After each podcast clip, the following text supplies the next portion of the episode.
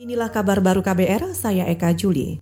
Badan Organisasi Kesehatan Dunia atau WHO menyarankan agar pelonggaran aktivitas pada masa pandemi COVID-19 dilakukan secara bertahap. Penasehat senior untuk Direktur Jenderal WHO, Dia Satyani Saminarsih mengatakan, tahapan pelonggaran itu bisa dilakukan tiap dua minggu sekali, sesuai dengan evaluasi masa inkubasi dan penularan COVID-19.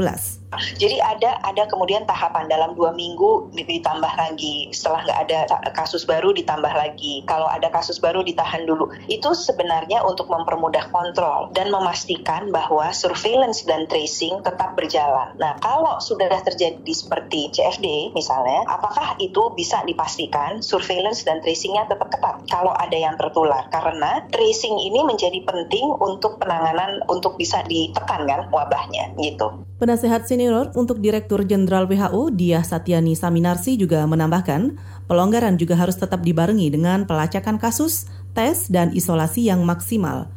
Meski begitu, pendekatan dan tahapan pelonggaran di tiap daerah tidak bisa disamakan, sebab masing-masing daerah memiliki kriteria penanganan yang berbeda. Artinya, pemerintah seharusnya membuat pedoman sendiri untuk masing-masing daerah. Arab Saudi memutuskan mencabut kebijakan penguncian wilayah atau lockdown yang dilakukan selama hampir tiga bulan sebagai upaya menekan penyebaran virus corona. Sektor ekonomi seperti jasa penata rambut, tukang cukur, dan pertokoan juga sudah dibuka kembali. Sementara itu perkantoran, masjid, kafe, restoran, bioskop, dan juga pusat kebugaran diizinkan untuk beroperasi.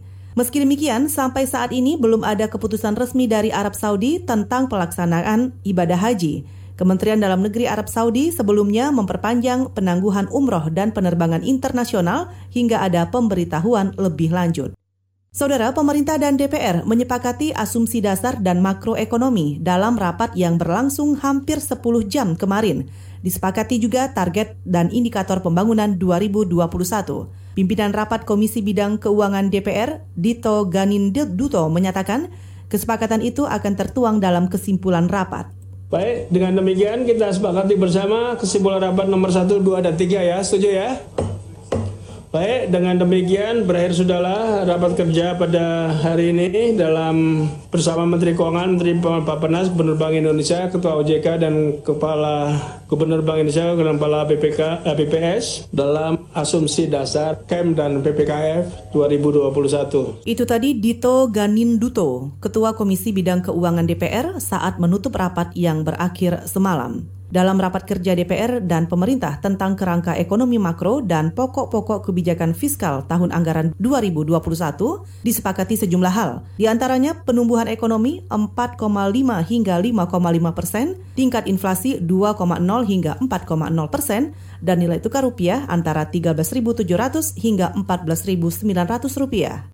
Demikian kabar baru, saya Eka Juli.